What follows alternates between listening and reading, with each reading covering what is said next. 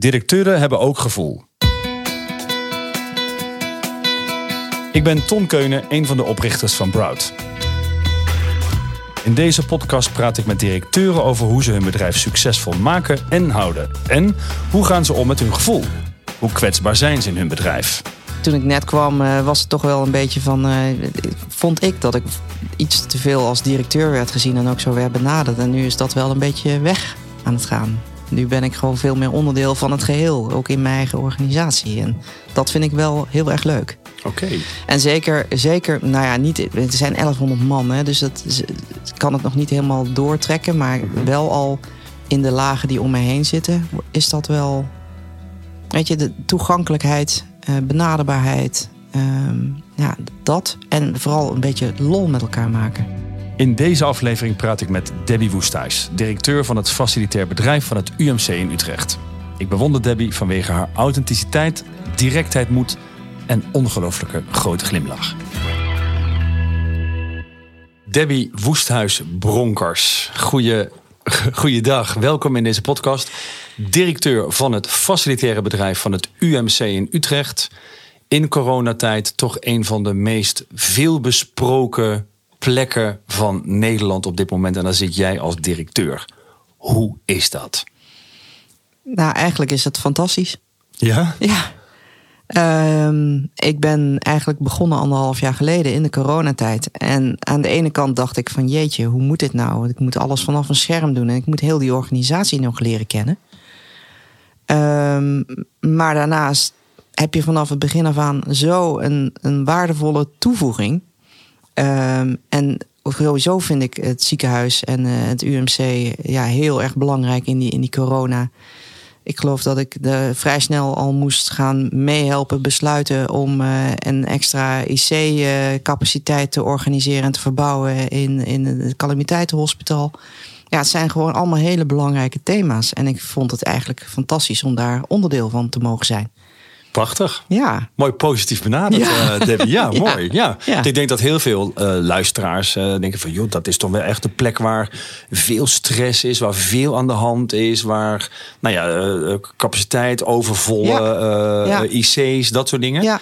Um, stress van gehad? Stress nog van? Nee. En ik denk dat ik dat ook te danken heb aan een geweldig team waar ik zelf van werk. Ik zit natuurlijk niet direct zelf in de zorg. Uh, als facilitair bedrijf uh, zorg je gewoon van de ondersteuning. Maar ik was vanaf het begin aan ontzettend onder de indruk van de rust bij iedereen.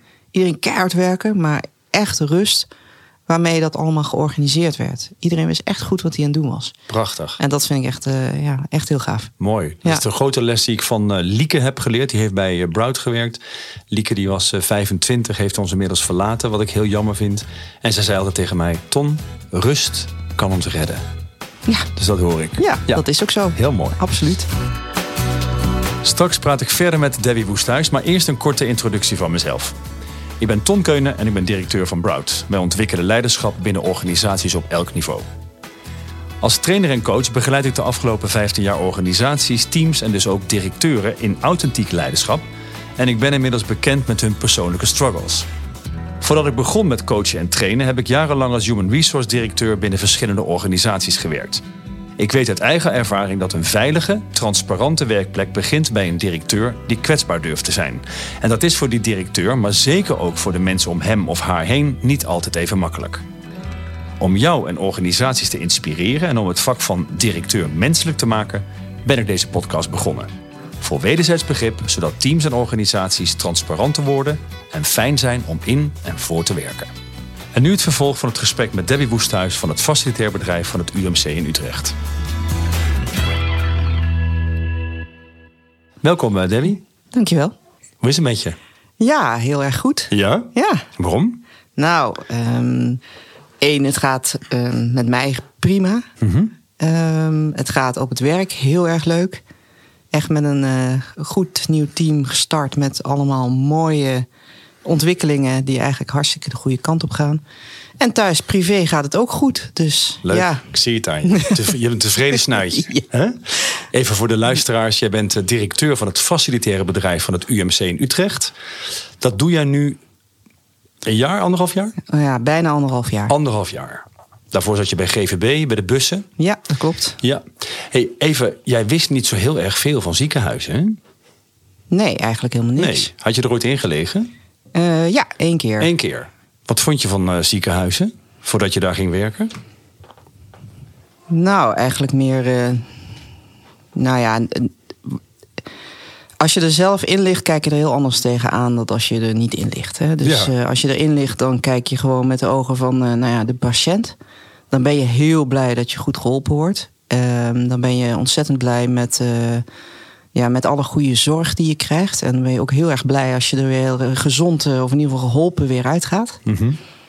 En ehm, nou ja, weet je, ik, uh, ik heb natuurlijk um, daarna niet meer echt naar die zorg gekeken. Maar wel, uh, zorg is voor mij, net als dat ik ook van openbaar vervoer uh, vond dat dat ongelooflijk veel toegevoegde waarde heeft in de maatschappij. Ja. Dus vandaar dat de, de, de zorg en, en, en ook een ziekenhuis, uh, en in dit geval een academisch centrum, mij wel ontzettend boeide. Ja, en ik kan me voorstellen, ik, ik heb natuurlijk uh, in uh, musicals gezeten. Als ik het vergelijk met wat mensen in de zaal zien, hè, de show en zingen en weet ik wat allemaal, dachten wij best wel vaak. Je moest eens weten wat er allemaal erachter allemaal fout gaat. Ja. Dat zal voor jou natuurlijk precies hetzelfde zijn in jouw baan, of dat nou bij de GVB is of bij het ziekenhuis. Ja, nou ja, eigenlijk ben je um, de hele dag bezig met de dingen goed te laten gaan. En ik moet ook wel zeggen dat eigenlijk 90% ook wel goed gaat. Dus ik ben eigenlijk helemaal niet zo bezig met wat er fout gaat. Nee, maar, maar wel met wat er fout zou kunnen, kunnen gaan. gaan. Ja. En even als je naar het ziekenhuis kijkt en naar jouw baan. Wat is nou datgene waarvan je denkt, als dat fout gaat, dat is echt wat ik echt absoluut altijd wil voorkomen. Dat mag niet fout gaan. Um, nou, dat zijn een aantal dingen. Um, in het, ik, ik ben directeur van een facilitaire bedrijf. En eigenlijk alles wat daar gebeurt is ondersteunend aan die zorg.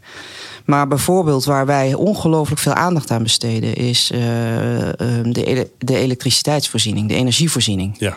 Want dat mag niet fout gaan. Nooit niet. Want als dat uitvalt, dan, dan, dan ja, zijn de gevolgen niet te overzien. Dus dat hebben wij ook helemaal redundant georganiseerd. Ja. En daar worden ook echt heel veel testen op uh, gedaan. Omdat, uh, om altijd een fallback te hebben en daar weer een fallback op. Mooi dat, zijn, dat zijn dingen die mogen echt absoluut niet fout gaan. Mooi voorbeeld. Ja. Wat, wat je daar zeg maar een soort van pijler hebt van dat moet altijd goed blijven gaan. Want als dat niet goed gaat, dan gaat er echt ongelooflijk veel fout. Klopt. Um, Deb, jij weet eh, dat wij bij Brout hebben wij een, een rad. En dat rad is het rad van avontuur. We hebben ook een rad die we soms gebruiken in de training bij UMC. Dat is net een ander rad. Zou ik jou eens uh, mogen vragen om aan het rad te draaien, wat naast jou staat. En op het rad staan uh, allemaal verschillende vragen. En uh, eens kijken welke vraag er voor jou uitgezocht wordt door het rad van avontuur. Wil je er eens aan draaien? Ja, is goed. Ja? Ja.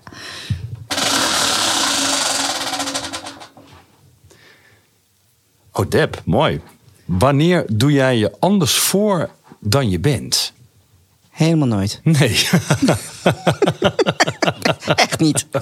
Nee, hè? What you see is what you get, Deb? Ja. Ja. Ja, eigenlijk wel. Ja. Nou, sterker nog, ik zou heel erg ongelukkig worden als dat niet kan. Ja. Dus het, het moet voor mij. Ik, ik, ik denk dat mensen mij op het werk precies hetzelfde tegenkomen als thuis. Ja. En uh, in, in, met vrienden, et cetera. Je zult nooit denken van hé, hey, wat, wat raar. Ik, heb, ik ken jou zo niet of zo. Ja, wat doet dat, ze nou gek? Wat doet ze nou raar? Ja. nee. Van wie heb je dat?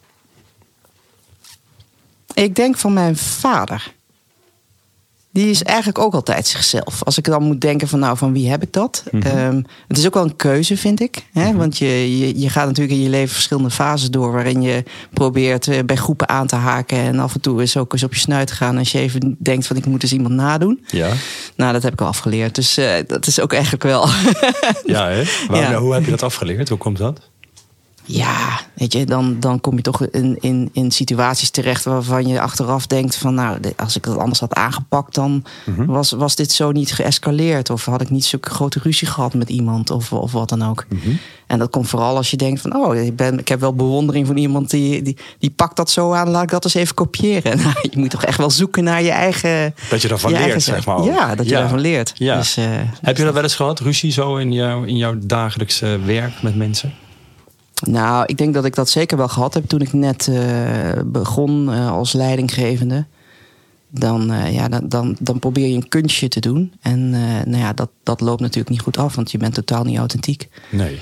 En, um, maar ja, en vooral bij de wat moeilijkere gevallen daar, waar mensen eigenlijk eh, ja, niet helemaal functioneren en je weet niet goed hoe je het aan moet pakken. En dan eh, heb je het eens een keer gezien bij een andere en probeer het na te Ja. doen. Nou, dat werkt natuurlijk helemaal niet. Ja, mooi dat je dat zegt. Ja. Dat zie ik vaker bij eh, mensen die net beginnen met leidinggeven. Net beginnen, ja. En wat was voor jou, als je dan kijkt naar het kunstje, wat vond je dan dat je moest kunnen als leidinggevende toen je wat jonger was?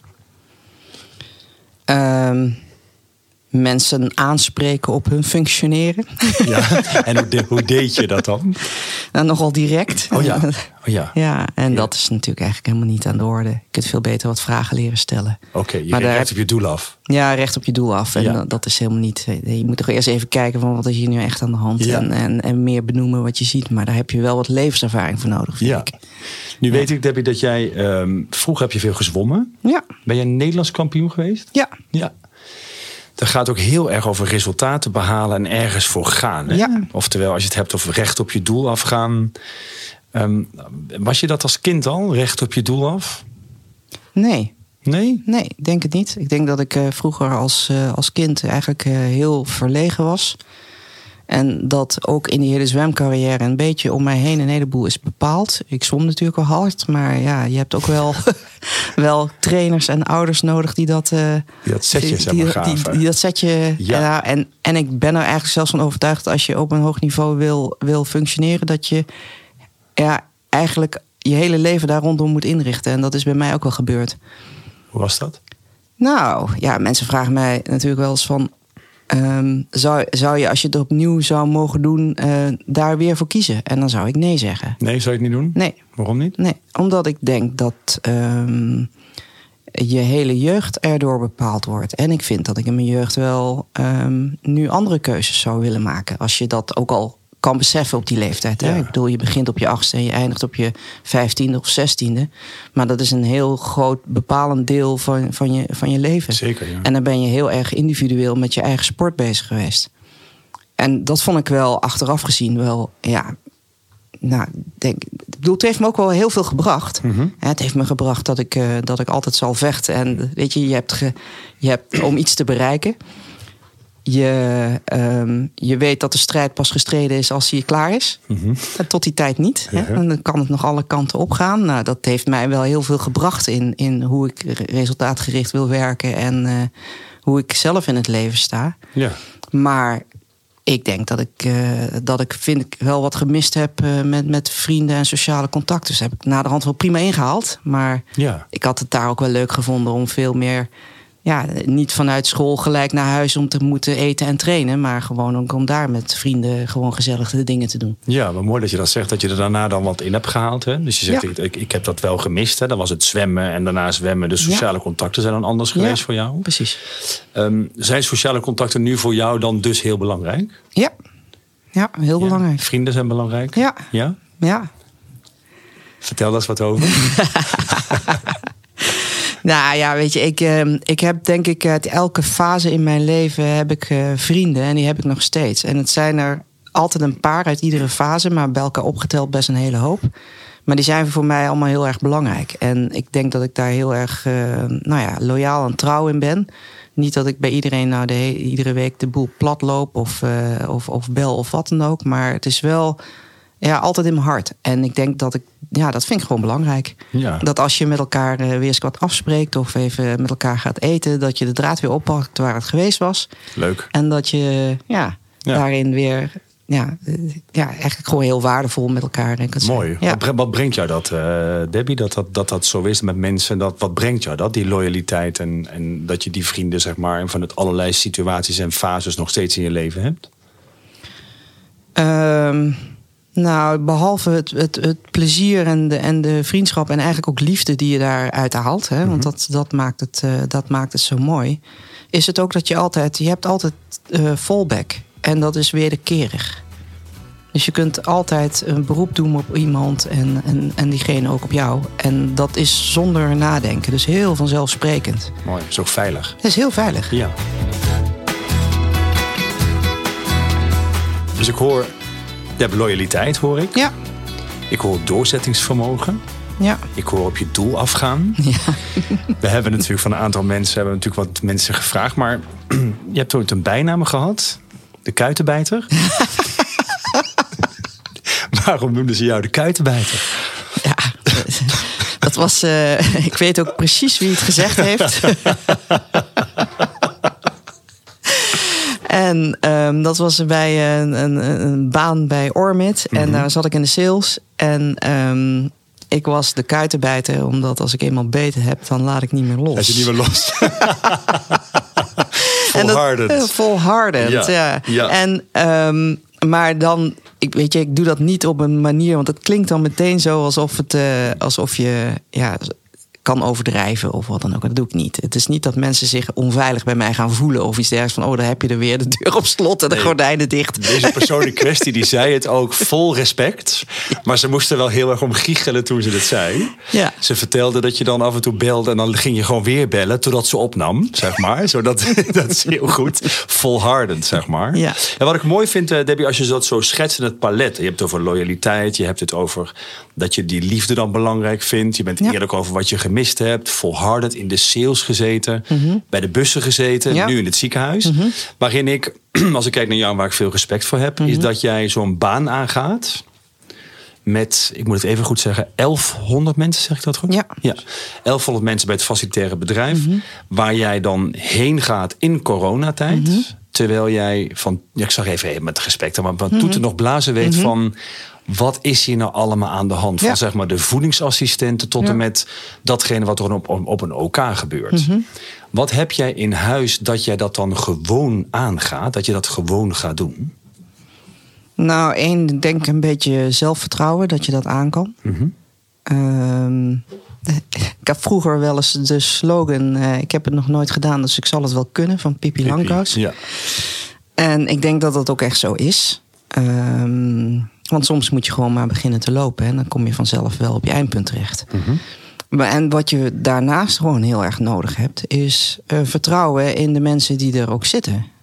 Ehm, want er zit gewoon een ongelooflijk stevig team met mensen die er al een hele tijd werken en die kunnen wat. Want anders zaten ze niet meer. Daar ga ik dan vanuit. En ehm, nou ja, het is dan ook vooral zaak om met die mensen gewoon goed te kijken van wat kunnen zij betekenen in het totale proces. en, en hoe kan ik hun gewoon goed blijven faciliteren. Want ik denk dat dat ehm, misschien wel primair mijn taak is. Ervoor te zorgen dat iedereen zijn werk heel goed kan doen. Oké, die, die kan ik Ja. helemaal volgen, dat kan ik helemaal zien. Maar het moet ook zijn dat mensen zeg maar, of je vertrouwen beschamen... of dat je ergens vertrouwen in had, maar wat niet goed is gegaan. Er moet ooit iets zijn met Ja. vertrouwen. Wat, is Ja. dat ook gebeurd? Nou, ik moet zeggen, in het, in, in het UMCU nog niet. Dat is wel gebeurd ehm, in mijn vorige baan bij, eh, bij GVB. En, ehm, maar dat, is, dat, dat zijn individuen. Dat betekent dus niet dat dat geldt voor een, voor een heleboel andere mensen. Nee, nee. Dat zijn dan af en toe sporadisch een aantal individuen. sporadisch. Ja. En dan is het toch ook nog steeds wel interessant, waar ik, om even terug te komen wat ik zei van wat ik geleerd heb als je, als je net leidinggevend bent en, en nu, Mhm. is te kijken wat gebeurt er waardoor het, het vertrouwen geschonden is of waardoor ehm, je zo geacteerd hebt zoals je hebt geacteerd. Ja. En vaak is dat nog niet eens de bedoeling geweest om vertrouwen te schenden, maar is er, er zit er iets onder. En ik ben denk ik nu veel meer ook bezig om dat te onderzoeken en te kijken van god, wat heb je dan nodig om dat anders te doen of te verbeteren? Ja, en dan moet er ook wel wat gebeuren. Nou, dat, dat snap Ja. ik hoe ik je ken. Eh, is dat als jouw vertrouwen beschaamd wordt... Mhm. mensen krijgen volgens mij bij jou nog wel een kans... maar het is op een gegeven moment ook wel klaar. ja, dan, dan is het ook al klaar. Ja, ja. Maar dan, dan, dan zijn er, dat is niet over één nacht ijs gegaan. Ik bedoel, het is niet dat je dan eh, in één keer, nou, dan vind ik eerst sowieso dat je er een goed gesprek over moet hebben. En Ja. hoe kan het dan anders in de toekomst? Maar zeker in, het, in een professionele relatie, dan vind ik ook wel dat je wat wacht- mag verwachten van elkaar. Ja, je bent erin niet voorwaardelijk. Dat kan, dat kan ik zien. Ja. Maar wel volgens mij duidelijk en helder over Ja. wat jij verwacht. Ja. ja. En krijg je dat altijd? Krijg je er altijd de dingen voor terug die je ervoor terug wil hebben? Meestal wel. Oké. Ja. Oké. Oké. Deb, ik heb een paar dilemma's voor jou. Hmm. Bussen of operatiekamers? Oh. Ehm, ik denk toch bussen. Bussen? Ja. Ja? Grappig. Leuk. Ja. Je hebt er ooit ook zo'n bus gereden? Ja, ik heb Ja. ook een bus gereden, Ja. een keer. Ja. En dat, toen ontdekte ik dat dat niet mijn talent was. Oh ja, dat dat niet zo goed kon. dat kon ik niet zo Nee. goed. Als je, als je kijkt naar de bussen of de operatiekamers, oftewel GVB of het, of het ziekenhuis, een facilitair bedrijf. ehm, heb je ooit slapeloze nachten gehad bij een van de twee? Of heb je ze bij allebei gehad? Ehm, nou, slapeloze nachten heb ik zelden, maar ik heb wel soms zorgen gehad. Ehm, en ik moet dat misschien even. Kijk, je hebt gezegd of bussen of operatiekamers. Ik heb dat anders geïnterpreteerd dan dat je het me nu vraagt. Want ik denk voor operatiekamers wil ik helemaal niet zijn. Dan kan ik me niet tegen bloed. Oh ja, oké. Weet je, dus zet mij dan maar in een bus. Die veilig rijdt. Die veiligheid. Ja, ja, precies. I got it. Ja, dat gaat dus over het bloed. Laat maar zitten. Ja, laat maar zitten. Daar zijn. hoeft niet Ja, te zijn. Laat mij maar in een bus zitten. Ja. Oké, goed. Die, die Ja. snap. Dank voor de uitleg. Eh. Als ik dan even hoor van de, de twee, hè, de GVB of het, of het ziekenhuis. ehm, zorgen. Ja. Wat is bij GVB ooit jouw grootste zorg geweest? Ehm, ik denk. ehm, bij GVB hebben we gewoon een, een hele serie gewapende overvallen gehad. En die gebeurden altijd in de avond, in de nacht, als het donker was en dat het dan spannend was en mensen ja, ehm, niet direct herkenbaar waren eh, die met zo'n wapen rondliepen. En dat vond, ik, dat vond ik echt, daar had ik echt veel zorgen over. Omdat, ehm, ja, dat was gewoon ontzettend angstig voor, men, voor buschauffeurs. En dat merkte je ook, omdat ze, nou ja, als het één keer eens een keer een gewapende overval is, nou ja, dan gebeurt er nog niet zoveel met een groep. Dan is het heel vervelend voor degene die het is overkomen. En eh, nou ja, dat is dan nog een individu. Maar als het er meer worden, dan, eh, dan spreidt zich over een olie, als een olievlek over een hele groep. En, en beïnvloedt dat zeg maar eigenlijk het hele chauffeurskorps. Ja. En dan, on- dan ontstaat er angst om te moeten rijden. En dat vond ik echt heel erg vervelend. Dat vond ik echt heel zorgelijk. Ja. Hoe heb je dat opgelost? Nou ja, dat kun je niet alleen oplossen. Je moet er als management in ieder geval zijn voor je mensen. Maar we hebben toen ehm, ehm, met eigenlijk de directie ook besloten om eh, de hele cashflow van de wagens af te halen. En alleen nog maar met een, met een betaalpas te kunnen eh, betalen. En dat was een hele goede oplossing voor ehm, ja, overvallen. Want dan is er gewoon geen geld meer te, te Ja. halen. Ja. En dan verplaatst zich dat naar ja, een ander segment. Ook niet grappig, maar in ieder geval is het niet meer in, in de voertuigen. Maar dat gaat ook niet van de een op de andere dag. Nee. Je kunt niet van vandaag op morgen zeggen van nou, hier is een pinautomaat of zo. Dat moet je echt. Nee, eh, moet je regelen. En hoe heb je die angst bij, de, bij dat korps weggehaald? Hoe heb je dat gedaan? Nou, door ehm, ehm, heel veel met ze daarover in gesprek te zijn, zichtbaar te zijn, ehm, begrip te tonen, te luisteren naar wat ze nodig hadden om wel hun werk te kunnen doen. Ehm, maar ook ehm, te kijken of we ze met training konden ehm, helpen om eh, ja, gekke personen al vooraf te herkennen. En ehm, nou, door ook te zorgen dat een hele snelle en goede schil van, eh, van politie eh, snel oproepbaar is. En, en OV-zorgmensen, dat zijn dus de handhavers.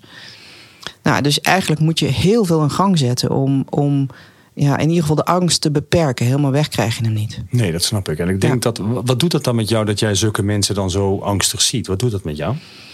Ja, dat, is- dat, dat ehm, ik merkte dat ik in die tijd ongelooflijk functioneel daarmee omging, zeg maar. Want je sluit dan wel een gedeelte van jezelf af. Want je, ja, je kunt het, ja, ehm, ja het, het deed met mij dat ik het gewoon heel erg vervelend vond voor die mensen. En dat ik eigenlijk voortdurend mee bezig was. Ja. Dat deed het met ja, mij. Ja.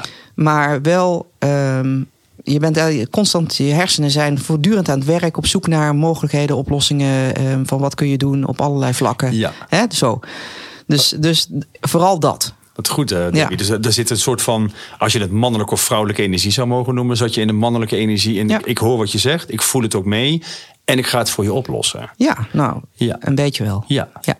mooi. Ja. Zo ken ik je ook. Je lost, het, je lost dingen graag op, hè? Ja. Ja. ja. ja, ik denk ook dat alles op te lossen valt. Eh, ja, je zei het in het begin van het gesprek, zei je, als het niet het einde is, zei je iets over van, je maakt het dan helemaal af en tot die tijd moet je gewoon zorgen dat het afkomt.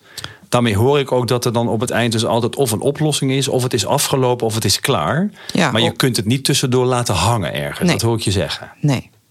En dat wil niet zeggen dat je niet kan, kan mislukken. Hè? Of dat projecten niet stop moeten worden gezet of wat dan ook. Maar dan heb je er in ieder geval alles aan gedaan om het Ja. wel te laten Ja, slagen. ja, dat snap ik. Zolang je er alles Ja. aan gedaan hebt, is het oké voor jou. Ja. Ja, ja. Oké, nog een dilemma. Sterk zijn of kwetsbaar? Ehm, als ik moet kiezen, nu kwetsbaar. Dat is in het verleden zou ik eerder sterk hebben gezegd. Maar er is niet één, er is niet één van die twee. Oké, maar wat is er veranderd allebei. dan? Waarom zou je voorheen sterk hebben gezegd en zeg je nu kwetsbaar? Ja, omdat je als, je nu- als je kwetsbaar bent, dan kun je veel meer mensen mobiliseren, zeg maar, met je mee te gaan en, en te helpen, et cetera. Ehm, maar soms moet je ook sterk zijn. Ben je wel eens kwetsbaar op je werk? Nou, ik ben heel vaak kwetsbaar op mijn werk. Geef daar eens een voorbeeld van. Nou ja, door, door bijvoorbeeld te zeggen dat, dat je iets niet weet, ehm, dat is al de eerste vorm van kwetsbaarheid. Mhm. Of door hulp te vragen bij anderen ehm, is kwetsbaar. Maar daarvoor gaat wel aan vooraf dat ik eerst heb gekeken naar hoe kan- zou ik het zelf kunnen oplossen. Ja. Hoe reageren mensen op jouw kwetsbaarheid? Reageren er goed op? Ja, Ja? ja dat is, ik heb daar ook geen enkele moeite mee om dat te zijn, omdat het, het, het- de reactie is altijd fijn. Ik heb nog nooit meegemaakt dat mensen daar op een of andere manier misbruik van maken of, of wat dan ook. En dat, dat was misschien wel ooit eens een keer een angst dat je dat zou laten zien. En dat mensen dan dat je dan bang bent dat mensen zeggen: Zo, nou kan ik mooi aan die poten gaan zitten zagen of zo. Kan ik eens even lekker gebruik van Daar kan ik maken. eens lekker gebruik van maken. Ja. Maar dat heb ik eigenlijk nog niet, Nee. niet meegemaakt. Wat mooi. Nee. Wat Fijn, dat je in zo'n cultuur werkt, eh Ja. Maakt dat ik, ehm, als ik het heb over ehm, eh, UMC, hè, waar je nu zit. Mhm. Als jij straks een keer het schip achterlaat daar. Ja.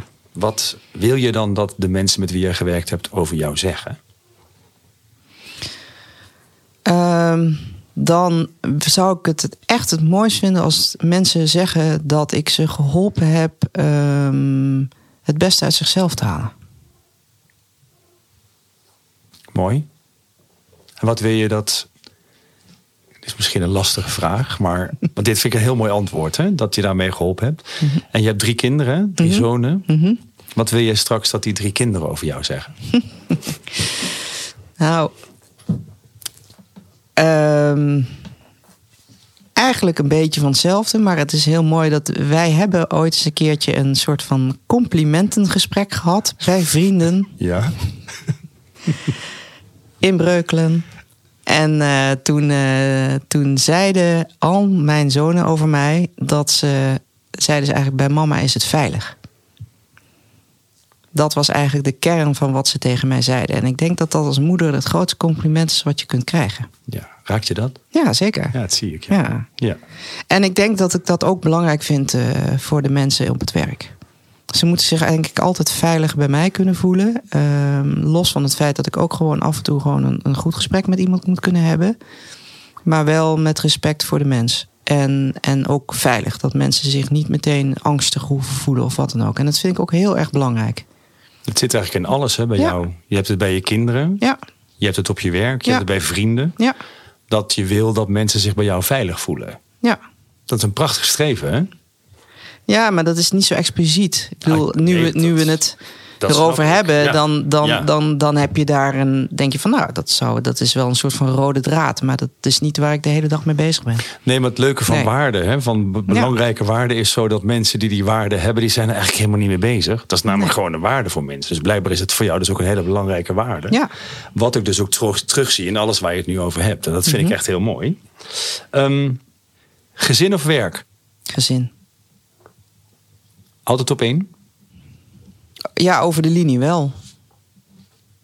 Weet je, er zijn natuurlijk hele drukke periodes op het werk waar het gezin misschien niet altijd nummer één is, maar speeltje bij paaltje komt, dan wel.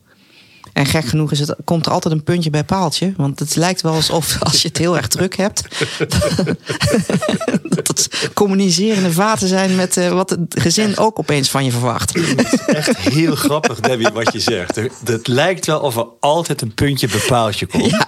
er komt in die end komt er altijd ergens een keuze Ja. te maken. Hè? Ja. Ga je toch dan naar je zieke kind? Ja. Of ga je die vergadering bijwonen? Ja, Ja. Ik, ik snap echt helemaal precies wat je zegt. Ja.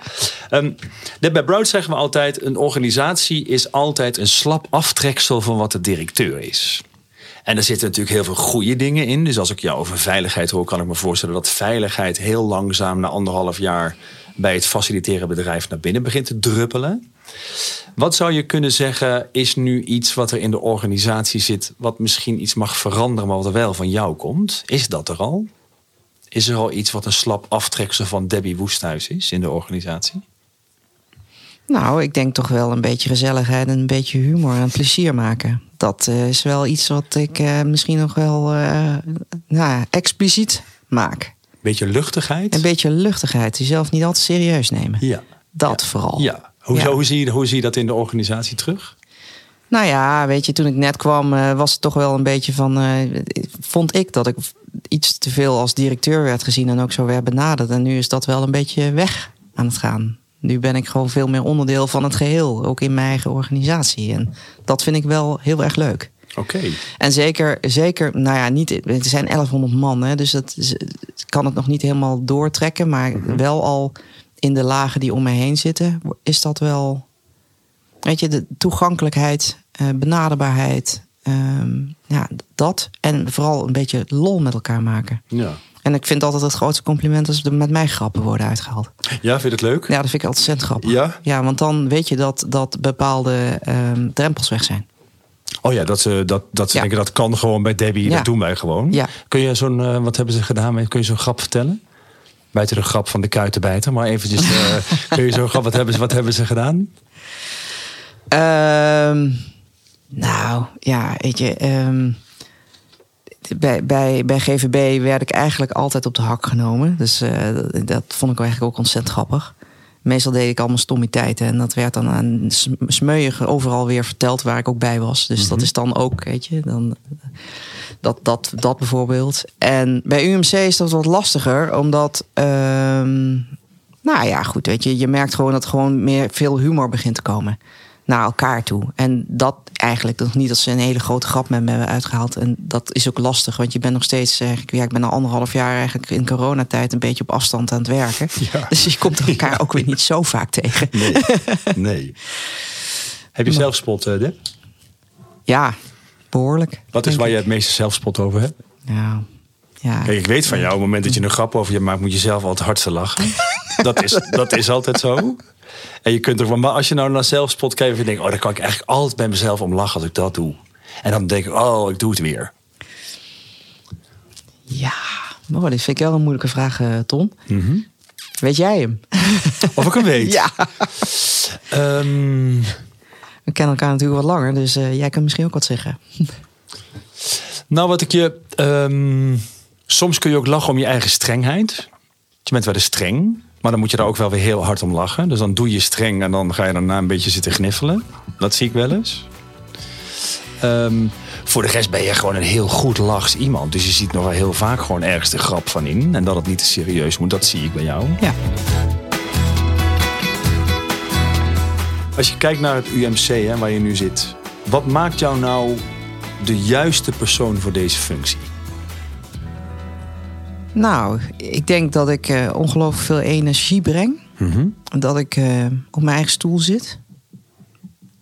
En niet op die van een ander. Ik denk dat dat heel belangrijk is. Dat ik eh, probeer om samenwerking op gang te brengen. Denk in wat er goed is, niet alleen voor het facilitair bedrijf, maar vooral voor wat goed is voor het UMCU. En probeer dat ook over te brengen bij mensen. Ehm, nou, in zekere zin ook wel ambitieus ben en, en ook wel ideeën heb van waar wil ik nou naartoe Ja, eh, voor de toekomst. leuk. En hoe gaan en dan mensen erbij betrekken om dat ook met elkaar te gaan bereiken. En dat met elkaar, dat samen, dat vind ik heel ontzettend belangrijk. Ja. Wat zou je nog willen leren? Wie is een voorbeeld voor jou? Wie is een voorbeeld voor Ja. mij? Nou ja, ik heb niet altijd maar één voorbeeld. Ik heb of van mensen aantal, ja, wat ik dan zie, dat ik denk van nou, dat, dat is wel iets waarvan ik, waar ik ook wel van kan leren. Ehm, maar ik heb ook wel van jou geleerd uit het verleden, eh Tom. Oh, wat leuk. Wat dan? Nou, jij weet emotie en ratio enorm te scheiden. En dat heb jij in een, uit een privésituatie ontzettend geleerd. Want daarvoor vond ik dat niet dat je dat kon, maar daarna wel. Daarna wel. Ja, daar heb ik veel van geleerd. Ja, Ja, en dat heb ik gezien. Ja. En toen dacht ik van jeetje, dat heb ik echt eh, zo ongelooflijk bewonderd. En ik heb ook gezien wat je daarmee kan bereiken. Dat ik dacht van nou, Laat ik dat eens kopiëren. Nee, dat kan ik niet kopiëren, maar dat, in ieder geval dat zou Nou, ik wel. Ja, willen ontwikkelen. Ja, lief dat je dat Ja. zegt. ik, heb in, ik heb in die periode ook wel geleerd dat ik, dat ik wel wist van je bent niet wat je voelt. Nee. En natuurlijk zijn die emoties zijn echt. Alleen, Ehm, ik heb ooit een coach die, die ik had tegen mij horen zeggen. Die zei, ik, I'm, I'm sad, but I'm not suffering. Mhm. Dus daarvan heb ik geleerd dat je dus gewoon verdrietig kunt zijn, maar dat je dan niet per se hoeft te lijden. Maar dat ik gewoon een gesprek met jou kan voeren, dat ik af en toe verdrietig kan worden en dan weer gewoon doorpraat. Mhm. Zonder dat je je leven of je houding of je hele context daarmee besmet. Ja. Of daarin denkt, joh, ik kan nu helemaal niks meer. Dus ik vind het fijn dat je dat zegt. En ik voel ook vanaf dat moment dat het voor mij helemaal anders is. Ja. Het is mooi dat je dat als. voorbeeld Ja, maar het, het helpt ook niet. Mm. En zodra de emoties de overhand krijgen, ehm, ja, dan, moet, dan moet je jezelf gaan temmen. En ik denk dat ik dat wel, eh, dat, ja, dat is ook wel iets waar ik, waar ik zelf nog wel heel erg mee bezig ben. En ja, wat ik nog zelf wel ook wel aan het ontwikkelen ben. En hoe ik dat nu op dit moment doe, is door gewoon ehm, ja, eigenlijk niet gelijk te reageren. Maar daar eerst even rustig een nachtje over te slapen, of Oh, twee ja. of drie. Ja. En dan, dan zit je opeens heel anders in de wedstrijd. Ja, oh, dat snap. Dat je daarna zeg maar denkt van oké, ik denk erover na. En dan kom ik met een reactie. Ja, maar dan is, je, dan is je reactie ook heel anders. Je hebt opeens hele andere oplossingen de revue laten passeren. Die je in je emotie nooit had kunnen vinden. Nee. Daarvoor was je dat meer aan het doen, emotioneel aan het reageren. Ja. ja. Dus je bent aan het leren. Ja. Ontwikkel je je elke dag, Deb? Nou ja, ik denk het wel. Want ik, ik ben eigenlijk in, in omgevingen terechtgekomen die elke dag anders zijn. En die elke dag weer iets nieuws brengen waarvan ik denk, nou, komt dat dan weer vandaan? Mooi. Heb ik nog nooit meegemaakt. Ja, mooi. Dat zie ik ook bij je. Maar ik zie die hele cadans Ja. van dingen die jij durft... en wat, wat het jou oplevert en hoe het jou ontwikkelt... zie ik bij jou terug. Mhm. Als laatste vraag, eh, Debbie. Ik vond het echt een heel erg leuk gesprek. Als laatste vraag. Er luisteren natuurlijk veel directeuren en managers naar deze podcast. Mhm. Wat is nou de tip van Debbie voor de mensen die luisteren? Wat zou je deze mensen mee willen geven? Nou, blijf vooral heel erg bij jezelf. En blijf authentiek. Dat is denk ik het aller, aller, allerbelangrijkste. Super. Ja. Nou, dan eindig ik met, met, met de woorden dat ik jou een ongelooflijk authentiek mens vind. Dankjewel dat je er was. Ja. En eh, ik vond het echt een fijn gesprek. Dank je voor de uitnodiging. Vond het ook heel leuk. Dank je wel. Dankjewel. Zit je nou ook te luisteren en denk je, ik ben of ik ken iemand die ook thuis hoort in deze podcast? Laat het me weten via podcast.broud.nl. Ik ben benieuwd naar jouw verhaal. Tot de volgende. Directeuren hebben ook gevoel.